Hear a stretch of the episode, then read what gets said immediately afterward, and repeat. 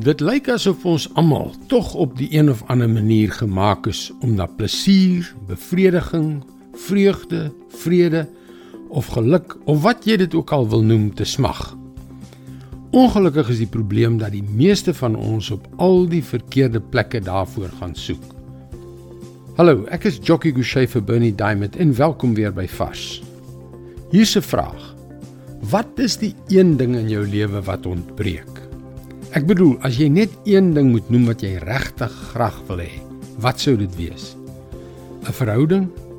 Ek wil graag getroud wees. Ek wens ek het 'n beter huwelik gehad. Ek wens ek kon met my twee tieners klaarkom. 'n Beter werk of 'n beter baas miskien. Net nog 'n paar duisend rand per jaar vir 'n paar van die luksehede van die lewe. 'n Lekker vakansie. Wat sal dit wees?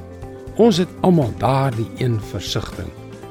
As ek maar net dit kon hê.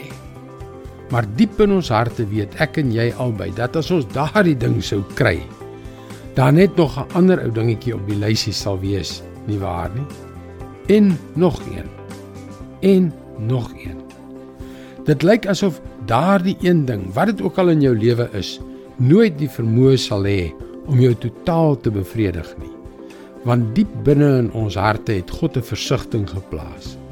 Of ons dit nou besef of nie, of ons bereid is om dit te erken of nie, na iets veel groter.